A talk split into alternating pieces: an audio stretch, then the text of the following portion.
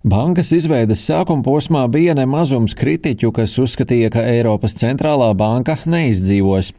Un, protams, laika gaitā to skāruši dažādi satricinājumi.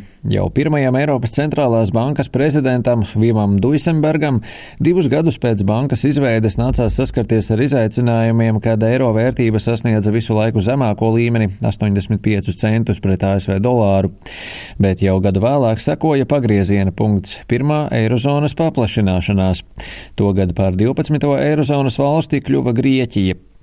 2002. gada jaungada vakarā cilvēki daudz vietā Eiropā stāvēja rindā pēc pirmajām eiro banknotēm.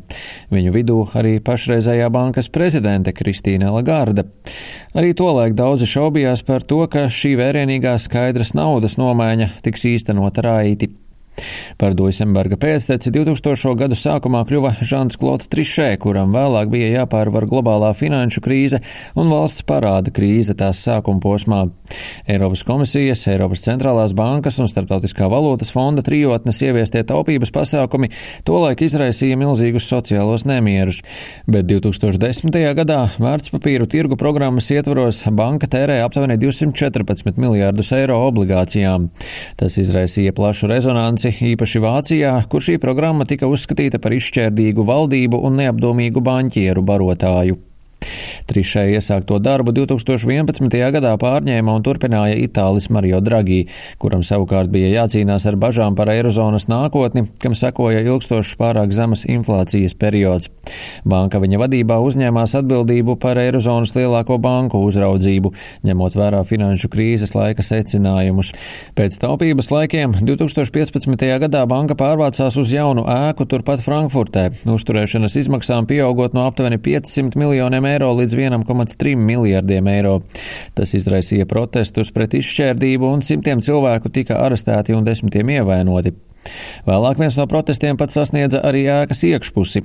Proti vācu aktīviste Josefīna Vite kādā preses konferencē uzlēca uz galda, pie kura sēdēja Dragī, pārtraucot viņa runu, izbārstot viņam virsū konfetī un skandinot uz sava tēkrakla redzamo saukli: izbeidziet ECB diktatūru.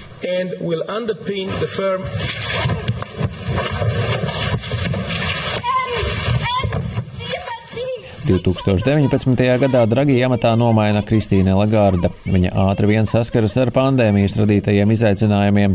Tam sako Krievijas atkārtotais iebrukums Ukrainā un enerģētikas krīze, bet tagad bankai jācīnās ar spītīgi augsto inflāciju. Turpina bankas prezidente Lagarda. The euro has created solidarity within Europe.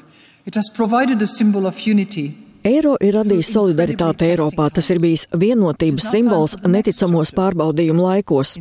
Tagad ir pienācis laiks rakstīt nākamo eiro stāsta nodaļu, un tas būs atkarīgs no darbībām, ko mēs kā eiropieši veiksim.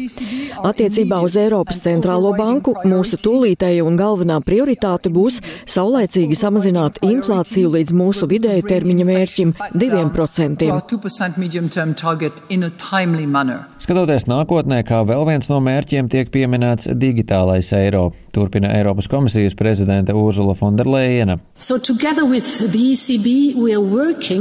Kopā ar Eiropas centrālo banku mēs strādājam pie digitālās eiro versijas, lai papildinātu mūsu uzticamās banknotes un monētas. Komisija drīz piedāvās priekšlikumu Eiropas digitālās valūtas tiesiskajam regulējumam. For Europe's digital currency. Kristīne Lagarda neslēpj, ka nākotnē banku noteikti gaidīs arī citi izaicinājumi, ne tikai cīņa ar inflāciju. Viņa uzsvēra, ka monetārā savienība nav gala punkts, tā ir pastāvīgs apvienošanās process. Tikmēr Otmars Isings, Eiropas centrālās bankas pirmais galvenais ekonomists, uzskata, ka lielākais drauds Eirozonai joprojām ir augstais Itālijas parāds un pieaugošais Francijas parāds, un šai problēmai joprojām nepieciešams rast risinājumus. Rihards Plūme, Latvijas radio.